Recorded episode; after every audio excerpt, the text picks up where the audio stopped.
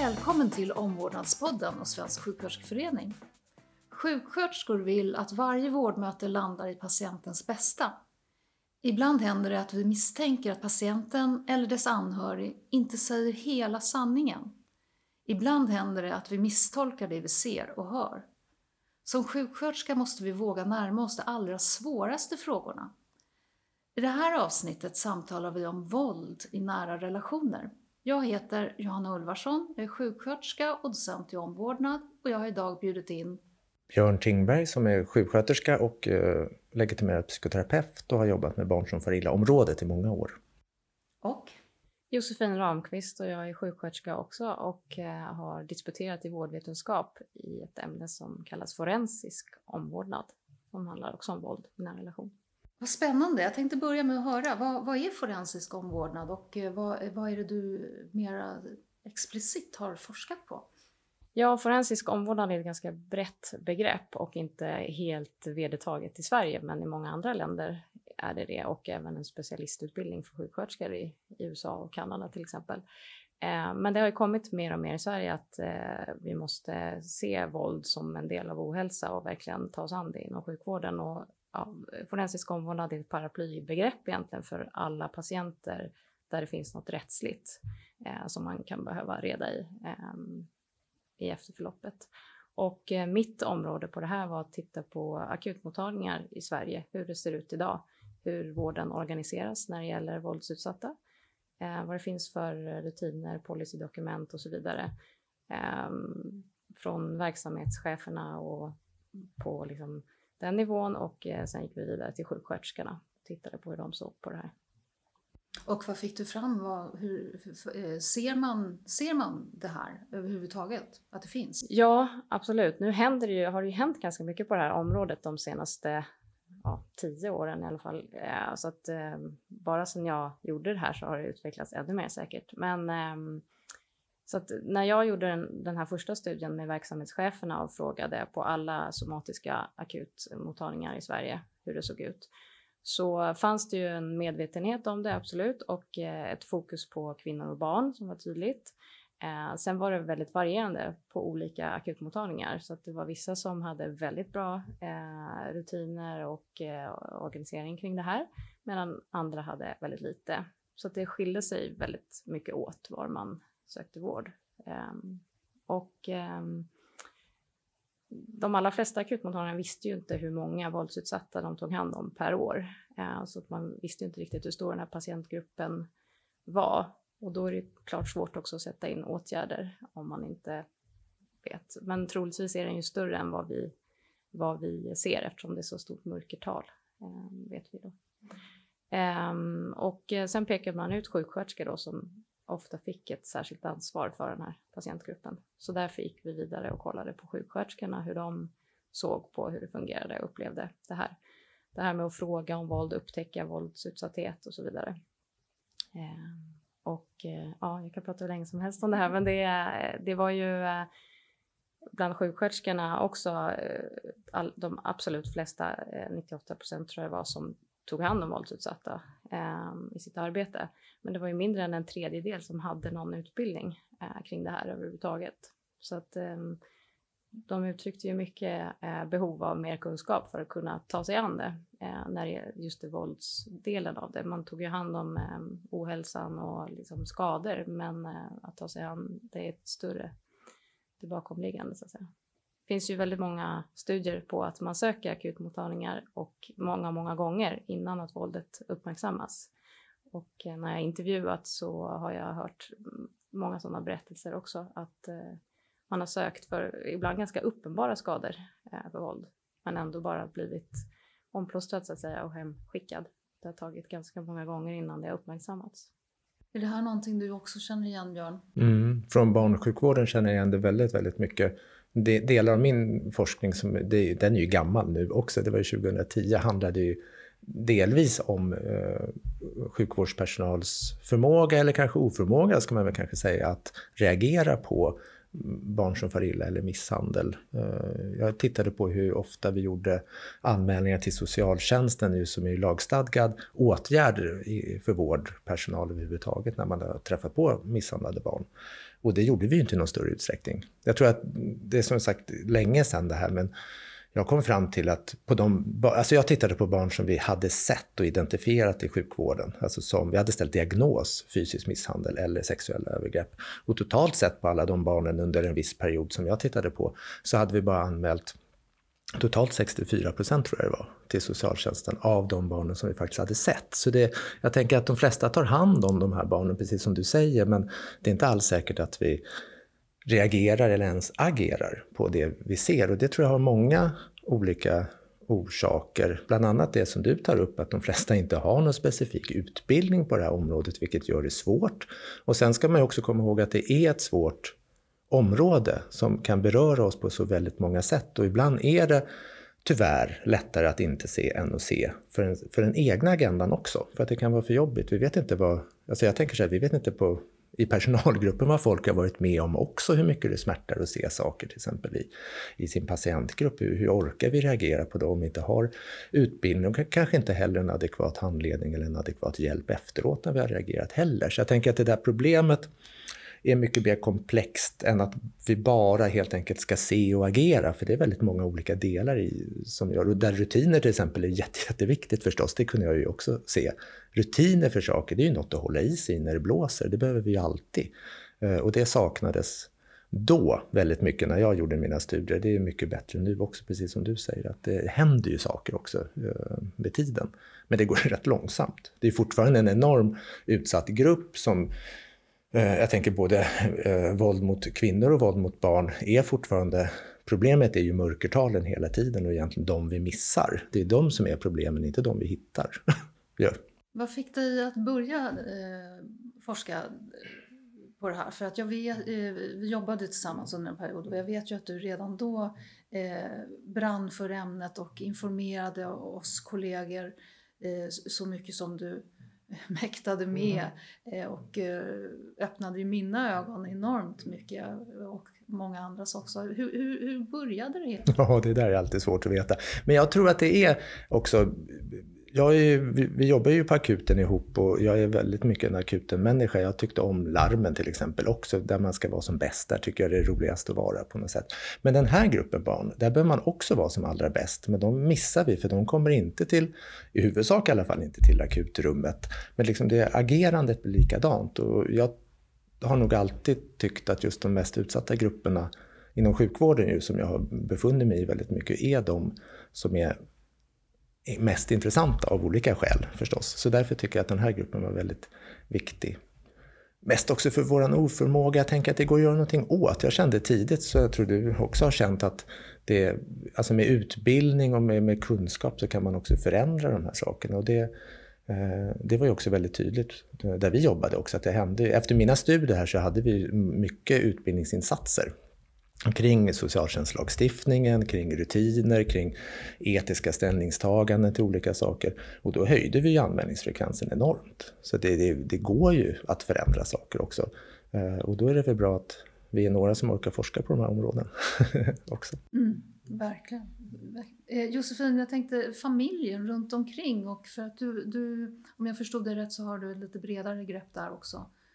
Ja, vi, när jag skapade forskningsprojektet så ville jag ha familjedelen med också. Eh, men det var svårare än vad jag hade tänkt. Eller ja, jag insåg väl kanske lite det. Men det var svårt att få med hela familjen därför att det är så komplext. Därför att om man kommer in till akuten och har familjemedlemmar med så kan det ju vara ett enormt stöd och, och absolut eh, något man behöver liksom ta med. Men det kan ju också vara den som har utsatt den här personen för våldet. Eh, och då behöver man ju verkligen eh, ta enrum och skärma av och så vidare mot den här personen. Så att eh, för personalen just på akuten så är det ju väldigt svårt att, att avgöra det. Och då måste man ju ta det säkra för det osäkra och, och prata enrum och, eh, och så. Så därför så blev det ganska svårt att få med ett så stort familjeperspektiv som jag hade tänkt från början. Så jag fick göra om mina studier lite allt eftersom jag hade tänkt verkligen ett familjecentrerat perspektiv där man såg hur det här våldet påverkar hela systemet.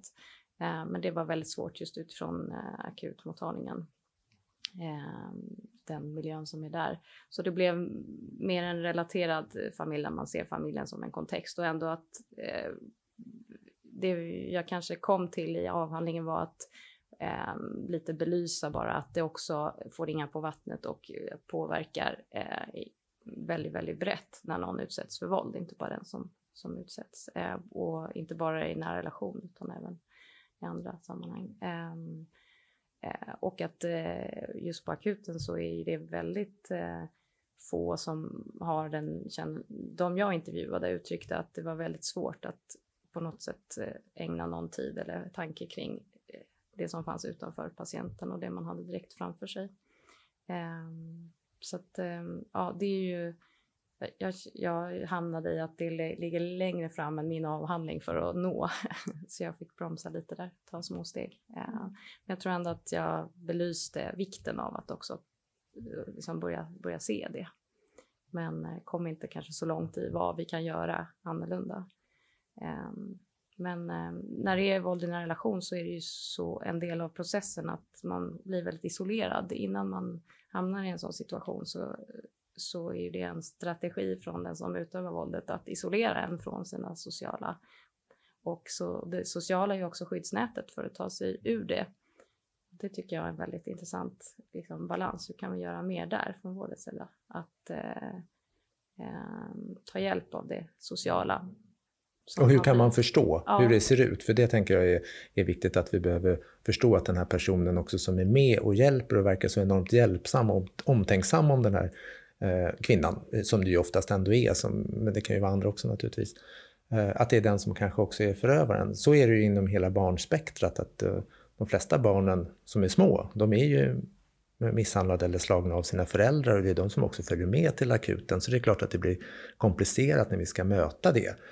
Och där vi också ibland liksom fallerar i, i någon sorts bemötande kring föräldrarna också. Om vi börjar misstänka att barnet är misshandlat, då har vi jättesvårt att ta hand om föräldrarna också i det där i sjukvårdskontextet. Men de är rätt viktiga personer för barnet ändå i det kontextet. För att vi är ju inte, kan ju inte ersätta en förälder eller en mamma eller en pappa i vårdsammanhanget. Så då kan de kanske vara viktiga där ändå. Och det klarar vi inte riktigt heller av. För då kan vi bara se dem som förövare och då vill vi inte ha dem i våra rum. Vilket jag förstår.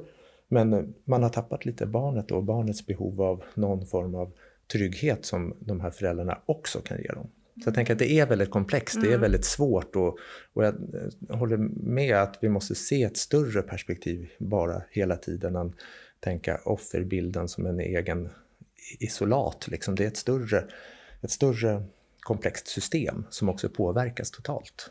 Precis som du var inne på tidigare att eh, vi vårdpersonalen har ju slåss med våra egna mm. demoner också. Och, eh, att man, när man väl inser att det här är faktiskt så att föräldern har skadat sitt barn, då, då är det ju verkligen så att man har väldigt svårt att eh, ta in förälderns oro ändå för att barnet är skadat.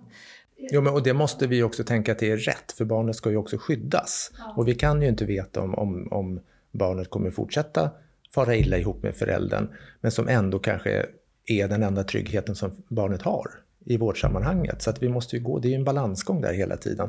Skydd och omsorg, det är de två sakerna som måste rymmas i samma andetag och det är inte så himla lätt. En annan patientgrupp som jag såg i, det var ju äldre som kommer in med och är beroende av den som vårdar dem i hemmet. Det kan vara någon närstående eller ja, vårdpersonal från eh, öppenvården. Eh, där man helt enkelt inte på akuten kunde i många sammanhang som sjuksköterskan berättade separera och prata i enrum därför man behövde den här personens hjälp med, med den äldre som hade de behoven. Så att, eh, och då, det är en ja. jätteeftersatt grupp, ja. de äldre faktiskt. Ja. Det, ja. Att, eh, Men hur ska man göra då? Ja, det ligger längre fram forskningsmässigt har jag inga bra svar på det. Men eh, av de sjuksköterskorna jag intervjuade så fanns det ju eh, många som verkligen brann för det här också som hade väldigt eh, verkligen ville och då hittade de på innovativa idéer och försöka lösa det. Men samtidigt så var det många som sa att i vissa situationer beror också på är det jättepressat den, det passet så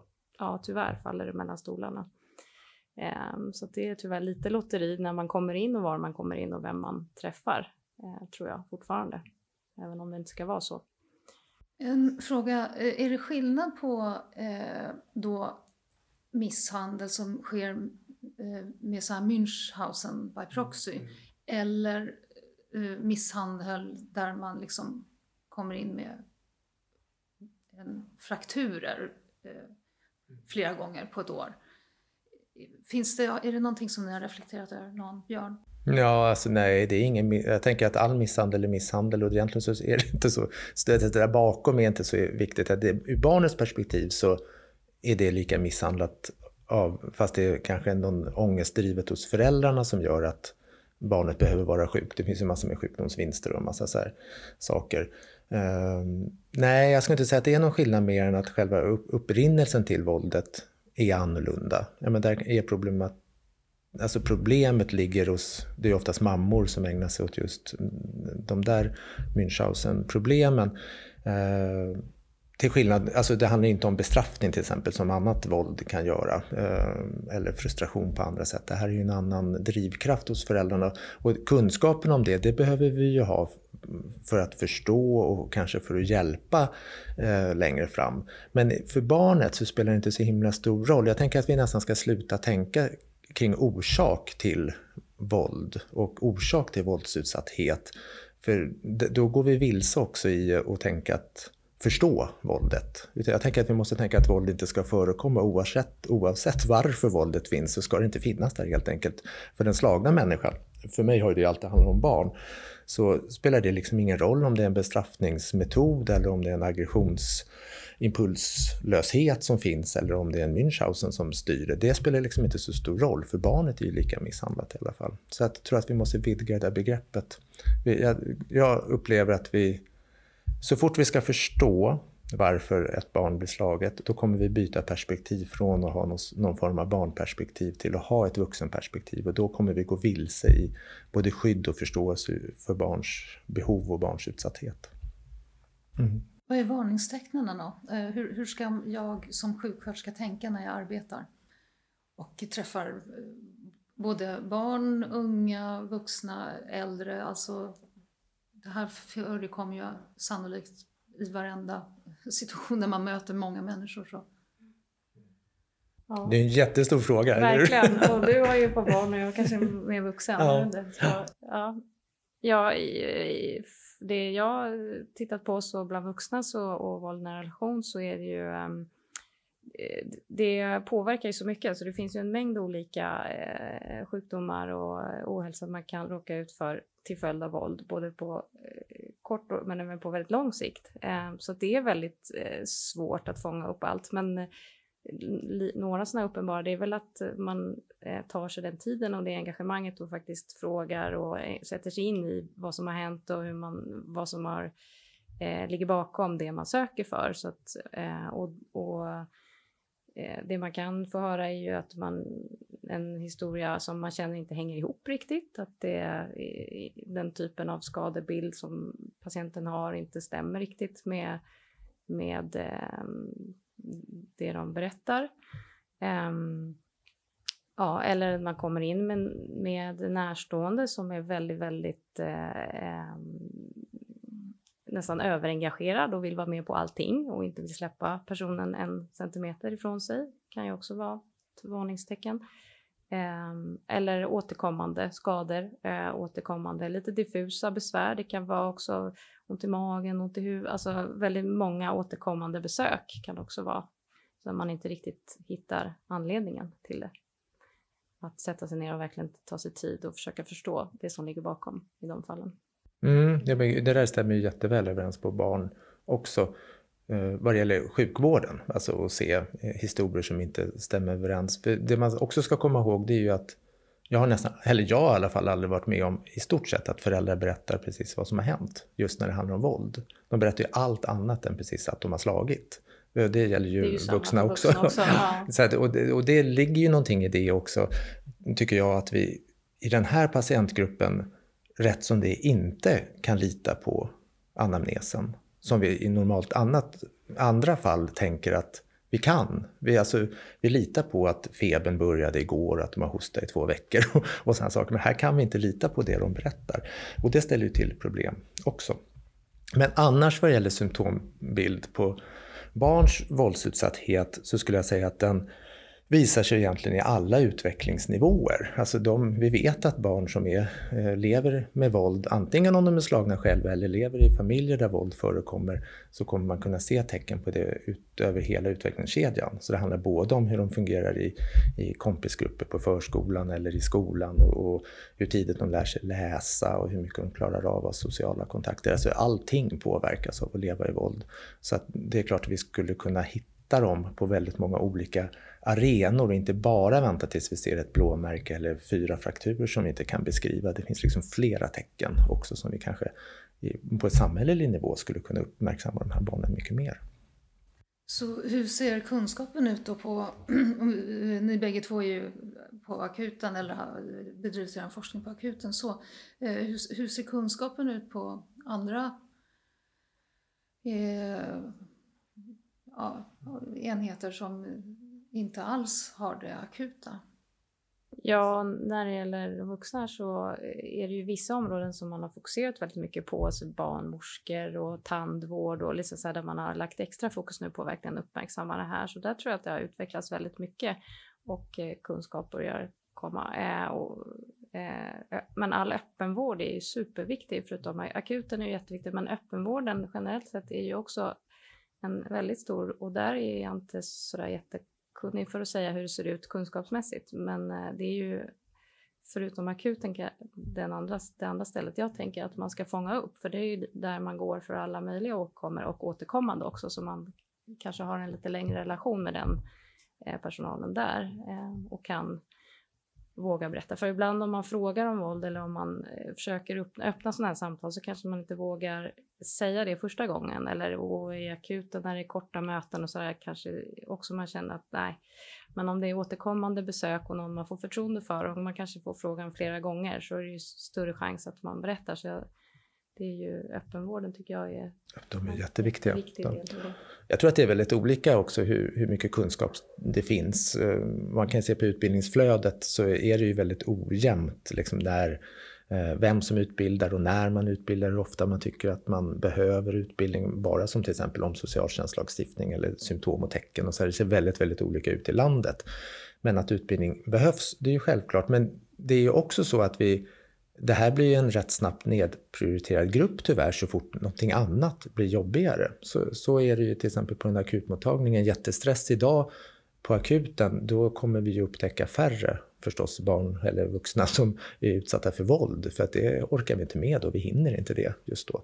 Som det ser ut i den typen av verksamheter så jag tänker, även om akuten är kanske det är ett enormt flöde på patienter på alla akutmottagningar och det finns en enorm eh, möjlighet för oss att hitta mycket där så tänker jag också att det är öppenvården och eh, för barn till exempel på BVC eh, som, där man skulle kunna identifiera mycket barn vad det gäller sjukvårdssaker. Sen har vi ju hela förskolesystemet och skolsystemet förstås där man också skulle kunna identifiera mycket.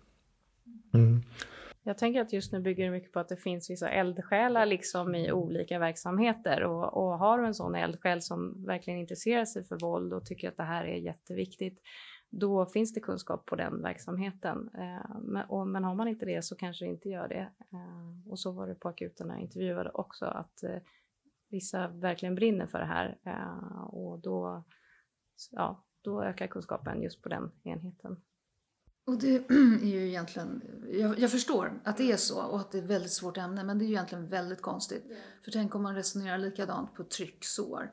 Eh, vi har ingen eld själv, vi har ingen som brinner för trycksår här. Så att, eh, det, det ja, fast lite så är det nästan i de områdena också. Nu kan inte jag så många andra områden, men jag tänker, vi har ju mycket så här, nationella vårdprogram och så för många andra saker som onkologi och sådär liksom förstås, där man inte behöver vara lika eldsjälsartad. Men för in, de patientgrupper som inte är lika stora så behövs det nästan eldsjälar för allting. Och det enda sättet på något sätt att bygga bort det, det är ju att ha alltså, bra rutiner som man vet håller också. Alltså rutiner får ju aldrig vara liksom en skrivbordsprodukt, någonting som vi bara måste ha, utan en rutin måste också kunna fungera och vara implementerad ordentligt i verksamheten. Det är ett sätt att bygga bort eldsjälarna, tänker jag. Men då behöver man ju ha en ledning som håller på att vi ska följa rutiner och att uppdatera dem. Och rutiner är ju ingenting som bara som bara kan finnas. Man måste jobba med rutiner precis hela tiden. Det är sådana saker man ska ta upp på APT. Liksom ens rutiner hela tiden. Hur gör vi med det? Följer vi dem nu? Eller hur har vi haft det? Men jag tror att det blir så här för att våldet fortfarande är som du sa i början är lite så att vi kan bortse från det ibland om vi känner att det inte finns tid och inte. Fast det finns ju vissa andra delar av vården där vi inte kan bortse. Vi kan inte liksom hoppa över och sätta en PVK eller vi kan inte liksom hoppa över vissa andra grejer och de då blir de prioriterade och sen så, jag tror att det är därför det hamnar på den, lite sådär inom parentes ibland, eh, tyvärr. Mm. Eh, så det måste bli liksom en så här självklar eh, del, mycket mer. Eh, mm. och eldsjälar är ju fantastiskt och där det finns och där kommer det alltid bli bättre och mer kunskap när det finns någon som verkligen driver det. Eh, men då där det inte finns det måste det ändå finnas någon sån där liksom, minimogrej i alla fall att det här måste vi göra annars så vi måste anmäla när vi misstänk, misstänker att barn far illa. Det är liksom inget val, Nej, det ingen finns valfrihet val. på det, liksom, utan det, det är ett måste. När man pratar om att anmäla och skapa förtroende och allt det där, alltså, vilket är det största etiska eh, dilemmat? Hur upplever du det, Björn? Alltså det, det största etiska dilemmat är ju att inte anmäla. Av flera skäl. Dels är det ett etiskt dilemma att inte följa lagen, för det är faktiskt en lag som är obligat. Vi måste ju följa den där lagen.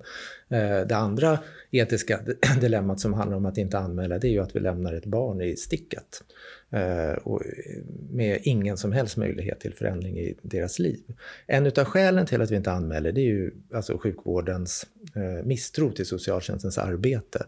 Att vi tänker att socialtjänsten ändå inte kan göra någonting eller så gör de för mycket. Det är liksom de två dikena som vi förhåller oss i på något sätt. Att socialtjänsten antingen kommer placera barnet och då är livet förstört för alltid eller att socialtjänsten inte kommer göra någonting och då spelar det ju ingen roll, barnet kanske får det värre. Liksom. Och då låter vi bli att anmäla och tänker kanske också att vår egen kontakt är viktigare att ha kvar. Att det liksom ska vara som ett skydd för barnet att vi i alla fall träffar dem och vi är ofta rädda för att familjerna kommer försvinna från vår verksamhet om vi anmäler för då blir de kränkta och sådär. Ehm, men det vet vi att det är inte, dels försvinner de inte riktigt, men det som också händer när vi inte anmäler, det är att vi inte ens ger socialtjänsten, som ju är den myndigheten som är satt att träda in när barn behöver hjälp, ens en gång en möjlighet att hjälpa barnet. Så jag tänker att vi överger barnet enormt mycket genom att inte agera. Och då överger vi barn som redan är övergivna på så många sätt, för deras rättigheter. Nu ska vi tänka barnkonventionen är lag. De har enormt mycket rättigheter enligt lag och de har rättighet att leva ett bra familjeliv med en god omsorg. Och de har rättigheter att inte bli misshandlade och det där eh, låter vi bli att ge dem genom att inte agera. Tänker jag. Så det är en enorm etisk miss att inte, alltså det är stora etiska problem att inte agera, tycker jag. Mycket mer än att agera, för där kan jag inte se några som helst etiska problem i det. Om jag, mis om jag misstänker att barnet far illa, då finns det liksom ingen etik eller moral som säger att jag inte ska agera på det, utan bara precis tvärtom. Men vi går vilse där och tänker att barnet kan få det värre. Eller att föräldrarna ska bli arga och då tappar vi barnperspektivet på en gång igen. Eller det barn, barn, barnrättsperspektivet. Mm. Mm. Det, det, tyckte jag var överraskande i, i mina resultat just att sjuksköterskorna var de jag intervjuade och skickade att man var väldigt osäker på mm. den här uh, skyldigheten.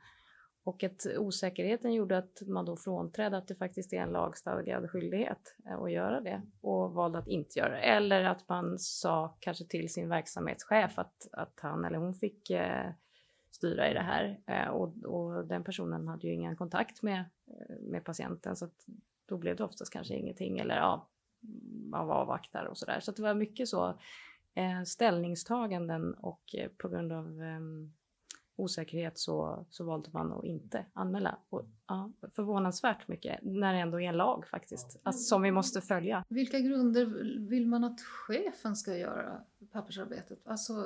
Man vill alltid att någon annan ska göra det. Jag tänker akut, det upptäckte jag i mina studier också, att akut personal vill ju hellre att vårdavdelningen ska göra en anmälan till exempel. Och vårdavdelningen vill att akuten borde göra en anmälan och akuten tycker BVC borde ha gjort anmälan. Eller, ja, du vet, alla ska göra den men någon annan ska göra den hela tiden.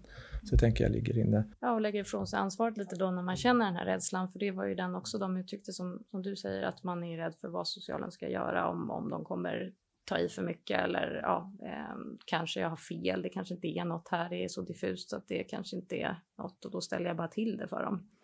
Eh, men Veronica Svärd är ju en kurator på Karolinska sjukhus. Hon, hon tittade ju på det för några år sedan, den upplevda ansvarsfördelningen över vem som borde göra en anmälan. Och i gruppen bland, nu kommer jag inte ihåg några siffror direkt, men gruppen sjuksköterskor och undersköterskor tyckte i rätt stor utsträckning att det var läkarens ansvar att göra anmälan. Så jag tänker, då har man inte förstått lagstiftningen Nej. i alla fall. Eh, men läkaren tyckte ju inte i lika stor utsträckning att det var deras ansvar. Heller. Och då tänker man, då var det ju en jättestor grupp där som föll bort. Det var precis samma som mm. jag kom fram mm. till i mina... Jätteintressant. Ja. ja. Eh, när man då, eh, om jag återgår till att man arbetar kliniskt som sjuksköterska, vad, förutom de här rutinerna, men det finns inte rutiner då på den enheten där jag arbetar. Hur, hur, vad finns det för metoder? Hur ska jag tänka? Hur, hur, hur ska jag kunna arbeta för att eh, eh se, upptäcka, eh, få bukt med min egen rädsla? Eh, hur ska man tänka? Har ni några tips? Ja, jag tror man måste överbrygga också glappet från rutiner till att man faktiskt gör sakerna. För jag tror att det finns ganska mycket rutiner nu som har utvecklats de senaste åren. På de flesta ställen finns det nog något papper, någon pärm någonstans. Som, men sen måste man ju våga och känna att man har kunskap för att använda det också och göra de sakerna som står där. Ehm, så att eh, någon typ av utbildningsinsats behövs ju på alla eh, och det är ju eh, som, som, du säger, inte en prioriterad eh, del tyvärr, så att då blir det andra saker som kommer in. Så att, men någon, eh, att, ja, det måste ingå i utbildningen. Eh, och det första, det här att fråga och prata om det, är ju liksom steg ett. Men sen måste det ju vara väldigt tydligt, om man gör det så måste det ju vara väldigt tydligt vad man gör när man får indikation eller svar på att man måste agera. För man kan ju inte fråga om man inte vet vad man ska göra sen där är ju liksom samverkan som jag ser det en jättestor del, den osäkerhet också vem som kan göra vad och var man kan vända sig och ja, att det blir lite en isolerad hubb kanske på akuten ibland om man till övriga så. Eh, och man, där det måste vara väldigt så här, tydligt var man kan ringa och vem man kan liksom skicka vidare det till, för man kan inte göra allt där på plats, eh, utan det handlar ju om att, att länka upp till nästa som kan ta vid liksom. Ehm, så att, eh, att skapa den liksom kedjan eh, och göra att den är extremt tydlig och enkel. För då när det är tidspressat och snabba möten och akut kontext så eh, ja, ökar ju chanserna att man faktiskt gör det om man vet precis liksom vad som för grejen, jag tänker att grejen är att man inte ska behöva tänka själv hela tiden, för då kommer vi låta bli. Det, det, har vi ju lärt oss tycker jag, att ska jag själv ta ett beslut om att fråga den här patienten om våld eller något, då kommer jag till slut välja att inte fråga. För att det kommer bli för jobbigt att fråga för jag vet inte vad jag ska göra efteråt och eh, jag kanske blir rädd för svaret. Och du vet, av många, många olika orsaker.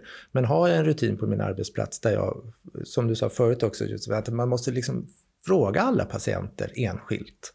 Alltså, och hitta rutiner och arbetssätt där det faktiskt är möjligt, för det är väl klart att det går. Det går ju både inom barnsjukvården och inom vuxenvården. Även om det är lite bökigt, det kanske tar lite mera tid. Men om man nu skulle tänka att det var en prioriterad grupp så skulle vi ju kunna satsa den tiden och den kunskapen på. Då behöver jag inte fundera själv. Liksom. Det är som att följa andra program. Vi vet vad vi ska göra när det kommer traumalarm. Vi har våra positioner på akutrummet. Det är ingen som tänker själv i de lägena för jag vet att jag ska stå där och sätta en BVK. Jag behöver inte fundera. Och det är samma här, att jaha, nu har jag en patient framför mig, jag måste fråga om våld.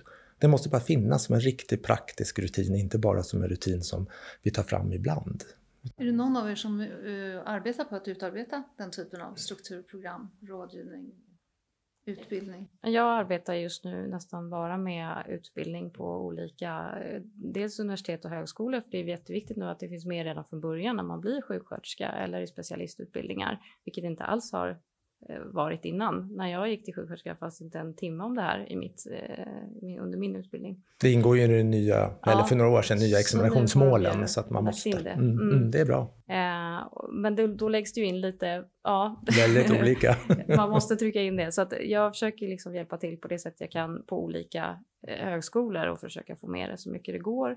Eh, och sen så på kliniker som hör av sig till vårt nätverk, det här Svenskt nätverk för forensisk omvårdnad som ligger under Svensk sjuksköterskeförening, eh, får vi förfrågningar emellanåt. Och då samarbetar vi där och tar de uppdragen eh, så mycket det går. Och eh, sen så håller jag på att skriva en bok nu om forensisk omvårdnad också, en lärobok som ska vara väldigt eh, kliniskt inriktad Så att inte bara för utbildning utan för klinik också och kommer föreläsa om det. Ja, så på alla sätt jag kan. Och Den behövs ju. Mm, så det är bra att du Ja. gör. Mm. Och du Björn, arbetar du med någon slags riktlinje, policy? Jag har ju gjort det väldigt, väldigt mycket när jag jobbar inom barnskyddsteamsverksamheten. Och barnskyddsteam är ju liksom som en, en klick inom sjukvården som ju- just jobbar med de här frågorna och jobbar väldigt mycket med samverkan med andra myndigheter också, främst kanske socialtjänst och polis och sådär i fall som vi har identifierat. Men barnskyddsteamet, vi jobbade ju enormt mycket med just rutiner som skulle vara praktiska på arbetsplatsen. Men en av de viktigaste funktionerna skulle jag faktiskt säga där också var en, en rådgivningstelefon. Alltså där personal när de varit osäkra kunde ringa och få prata med någon. Prata med en sjuksköterska. Oftast handlade det om så här, jag vet inte, borde, är det här något jag borde anmäla? Och har man den frågan redan, ja men då är det någonting som man borde kanske anmäla under samtalets gång så kunde den här personen, sjuksköterskan eller undersköterskan eller läkaren som ringde själv förstås formulera sin oro. Men det behövs liksom någon att prata med som inte är så rädd för ämnet. För det är svårt att prata med en kollega ibland om det för alla slår ifrån sig lite grann. Så att, och det, det handlar ju också egentligen bara om kunskap. Att man blir lite trygg i ämnet. Sådär. Så att jag har jobbat mycket med rutiner. Nu gör jag ju inte det lika mycket. Men jag jobbar däremot väldigt mycket med utbildning. Och jag tycker jag märker så här, för några år sedan så var ändå landstinget, eller jag har varit engagerad mer i landstingsutbildningar Eh, så här på Karolinska institutet, kurser. Nu tycker jag att landstinget är lite dåliga på att beställa den här typen av utbildningar för det finns inte pengar och ja, nu har vi ju haft lite andra problem med sjukvården också så vi har inte riktigt kunnat gått på på utbildningar överhuvudtaget när eh, corona har varit förstås. Men Stockholms stad till exempel satsar jätte, jättemycket på våld i nära relation, både vad gäller äldre eh, kvinnor och vad gäller eh, våld i nära relation i allmänhet och barn. Eh, så där gör jag mycket utbildningar också. Mm. Mm. Josefin, har du någon, eh, eh, vi ska börja runda av här alldeles strax. Har du någon historia där allting gick rätt? Den historia som jag bara dyker upp i mitt huvud det var ju att en patient som, som själv hade väldigt mycket kunskap inom det här området och var utsatt själv och eh, sökte akuten och egentligen började allt fel. Men tack vare att hon hade så mycket egen kunskap så redde hon ut det där och eh, hon dirigerade att, liksom, och berättade om eh, fotografering och allt sånt. Eh, så det var ju en liten lustig historia men ja, man kan säga att det blev liksom utbildning för personalen där i Wow. Ja, Fast det var en, men en otroligt starkt anhörig. av den kvinnan att, eh, att göra det. Ja, det var kvinnan själv som var utsatt som, Ja. som hade kunskap inom det här och som... Eh, Jo, det var en anhörig som eh, utsatte henne också. ja, precis. Mm. Så att eh, det var ju väldigt tokigt och inte någon solskenshistoria på något sätt för henne. Men en fantastisk kvinna som kunde eh, reda ut sin situation. Ja. Så att, eh, ja. Inspirerande. Björn, tänker du på någon? Ja, jag har också svårt att, skulle jag säga, att plocka ut liksom en historia på det här sättet. Men jag, i och med barnskyddsteamsarbetet och eh, den organisation som kallas för Barnahus, ju som är ju verkligen en samverkansorganisation med polis och socialtjänst och eh, barnpsykiatrin eh, och flera aktörer som skulle också kunna rymmas i det där huset. Där finns det rätt många, tycker jag, goda historier på eh, samarbete och samverkan som verkligen har gynnat barnet. Och det är det jag tänker är, är det viktiga. Sen blir det inte kanske alltid fällande domar och, och sådär, men där systemen fungerar och myndigheterna kan hjälpa varandra och där samverkan fungerar, det är det som på något sätt är nyckeln in i det här, lite som du sa förut Josefin, att man måste ha, veta liksom vad som ska hända sen på något sätt för att också känna sig trygg i att agera på de här sakerna. och där Barnahus och barnskyddsteam och, och, och den organisationen tycker jag hjälper mig i alla fall att se att också att vi inte ska vara ensamma i det här. Det här är ett ämne som vi alltid måste diskutera, där vi måste dela och där vi måste hjälpas åt. För själv är man inte så jävla duktig på det här. Man behöver vara fler helt enkelt. Och så, då, på det sättet har jag många liksom bra historier. Men det som alltid svärtar lite i det, det är ju att jag ändå vet att kanske har vi ändå missat de flesta. Ja, så att vi behöver mera kunskap, mer utbildning och mera mod. Mm. Mm. Och lite förhoppning att det här poddavsnittet sprids Mm. så att folk kanske får upp ögonen för att det verkligen är ett problem. Mm. Jag vill tacka er bägge två så jätte, jättemycket för att ni kom hit och delade med er av er enorma kunskap på det här och ert mod. Ni är verkligen modiga personer. Tack! Ja, Tack så mycket.